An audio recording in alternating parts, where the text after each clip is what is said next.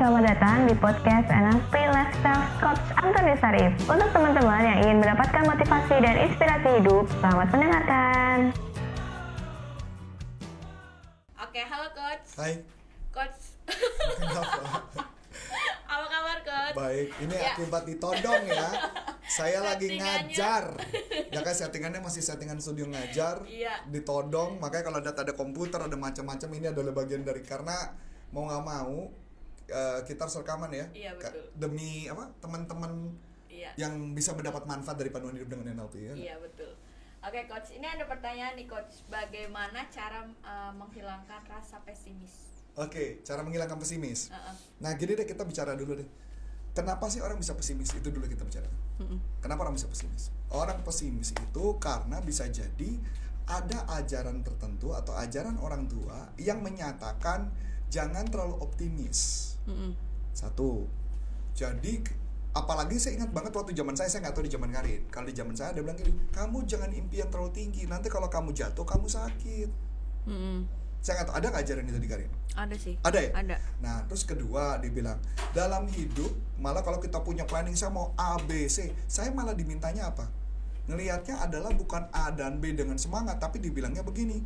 Udah, kamu jangan mimpi tinggi-tinggi. Nanti kalau gagal gimana? Harus ngeliatnya dari sisi yang yang jatuhnya. Itu yang selalu saya alamin, Karin. Nah itu yang sering banget Makanya penyebabnya itu yang menyebabkan kenapa akhirnya menjadi dasar pemikiran Belum lagi ditambah Begitu kita berjuang dan gagal Karin Begitu Karin gagal apa yang terjadi? Eh bener ya Kayaknya bener ya Kalau gagal itu artinya memang nggak boleh orang terlalu optimis gitu loh. Dan jadilah kita menjadi orang yang pesimis gitu Karin. Akibatnya apa? Akibatnya segala hal melihat dari sudut pandang negatif dulu. Bukan melihat sudut pandang dari positif dulu. Oh, tapi hanya melihat ya, coach. Nggak boleh berpikiran. melihat bahkan melihat dan berpikir pasti habis itu kan. Dia bilang Oh. kayaknya dia bilang eh, misalkan contoh deh Karin. Misalkan contoh Eh, Karin misalkan mau jadi desainer misalnya dia bilang kayaknya Karin bakat jadi desainer kayaknya aku nggak bisa deh aku tuh kan cuma lulusan akunting aku kayaknya nggak bisa deh nanti menghadapi tantang itu udah pesimis duluan Nah kayak kemarin kemarin ya ada satu orang yang kerja sama kita di barusan ya. Itu optimis apa pesimis? pesimis? Pesimis. maka dia resign duluan. Oke. Karena dia melihat dari faktor kalah, apa-apa kalah, apa-apa kalah. Mungkin dalam hidupnya sering kalah kali ya. Jadi apa-apa belum nyoba ya, dia ngerasa menghadapi situasi yang sakit kepala atau yang membuat dia pusing, itu tidak menyenangkan hati dia. Maka dia resign. Jadi buat saya yang paling penting adalah orang pesimis yang terjadi pesimis maka dia akan cukup berhenti sampai situ. Biasa orang pesimis suka ngomongnya negatif. Nanti kalau gini gimana? Nanti kalau gitu gimana? Kalau istilah optimis kan beda. Gaspol hajar aja dulu gagal mah urusan nanti. Betul nggak? Saya ambil contoh sederhana deh waktu itu deh. Waktu itu masih ingat kan eh, Chelsea kan? Chelsea yang edit video ini ya. Nanti teman-teman ya. Nanti eh, nanti videonya tolong Chelsea sendiri yang memunculkan mukanya ting gitu ya. ini bukan Chelsea katanya. Nah, nanti kayak contoh, ya kan? Waktu itu Chelsea lagi membuat eh, membuat logo. Dia mau buat logo untuk eh, salah satu yang kita lagi mau develop. Mungkin kita nggak bisa sharing dulu apa. Iya. Nah, lucunya menariknya, saya nanya, kok belum dikerjain? Dijawab, karena lagi didesain sama Chelsea. Pertanyaan saya sederhana, apa hubungan pekerjaan yang dilakukan sama logonya Chelsea? Kan Nggak ada. hubungan. Ya dia bagian dia, bagian Chelsea, bagian Chelsea. Pertanyaan saya sederhana, itulah yang membuat orang pesimis suka melihatnya seperti itu. Nanti kalau gua gini, kalau gagal gimana? Kalau saya ingat banget ada satu kalimat menarik gini, Karin.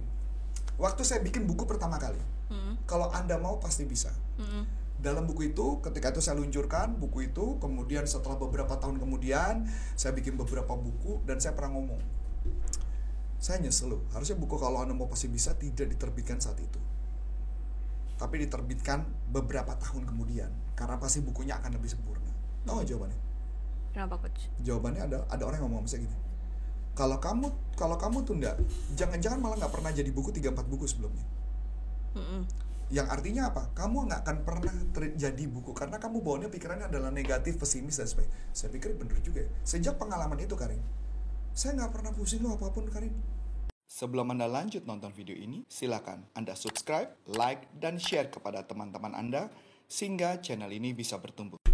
Artinya sempurna, nggak ada yang namanya sempurna, nggak ada yang sempurna. Kalau kita mau lihat sempurna nih ya, ya, ya karena nih nanti teman-teman pasti nggak bisa ngeliat dengan baik gitu ya. Contoh nih green screen gitu ya, green screennya masih terpasang ya, nanti pasti Chelsea akan akan di dibersihin ya. Tapi pertanyaannya, eh, di depan kita ada komputer untuk di kamera nggak gitu kelihatan gitu nggak kelihatan dan sebagainya. Ini berantakan banget meja kita. Bahkan di belakangnya Karin juga ada TV dan sebagainya. Tapi mau nggak mau kalau kita nunggu sempurna maka apa yang terjadi? Nggak jalan-jalan. Kita nggak jalan nih. Panduan hidup dengan NLP nggak jalan. Padahal deadline itu penting tetap untuk ngejar itu kan. Mm-mm. betul nggak? Belum di belakang saya ini ada coret-coretan saya tentang customer dan sebagainya kan gitu. Tapi itulah yang saya sebut namanya tidak ada kesempurnaan. Yang penting adalah lakukan aja. Gak usah dipikirin lakukan aja. Nah itulah yang saya ngeliat.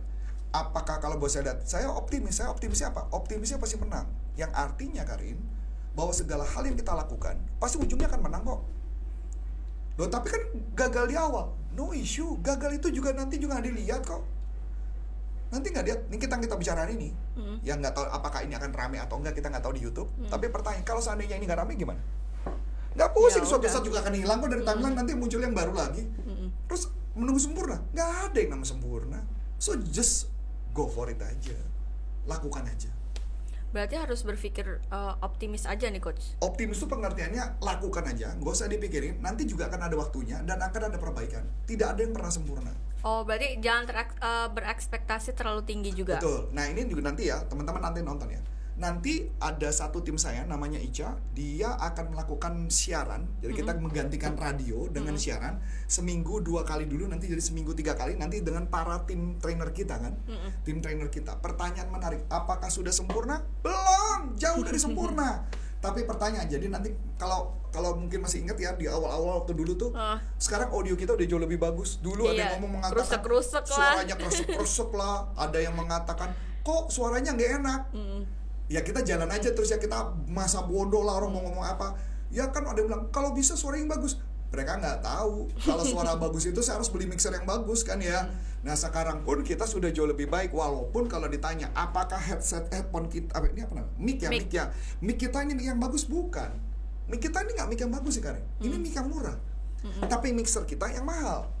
oh oke Nah jadi pertanyaannya adalah kenapa nggak diganti yang sempurna? Kenapa nggak diganti yang bagus? Ya pelan-pelan, satu persatu, satu tahap demi satu tahap ya kan betul iya ya? betul Nah kayak gitu. Jadi maksud saya sampai Mas Adi aja itu ya ngatur ya. Itu yang yang punya Karin tuh tiangnya itu pun juga sekarang pakai ganjelan tuh sama sama sama, sama Adi. Kenapa? Yang penting lakukan aja dulu. Nanti Iya. pada saat waktunya kita beli, kita ganti yang baru, kita ganti yang bagus, betul nggak?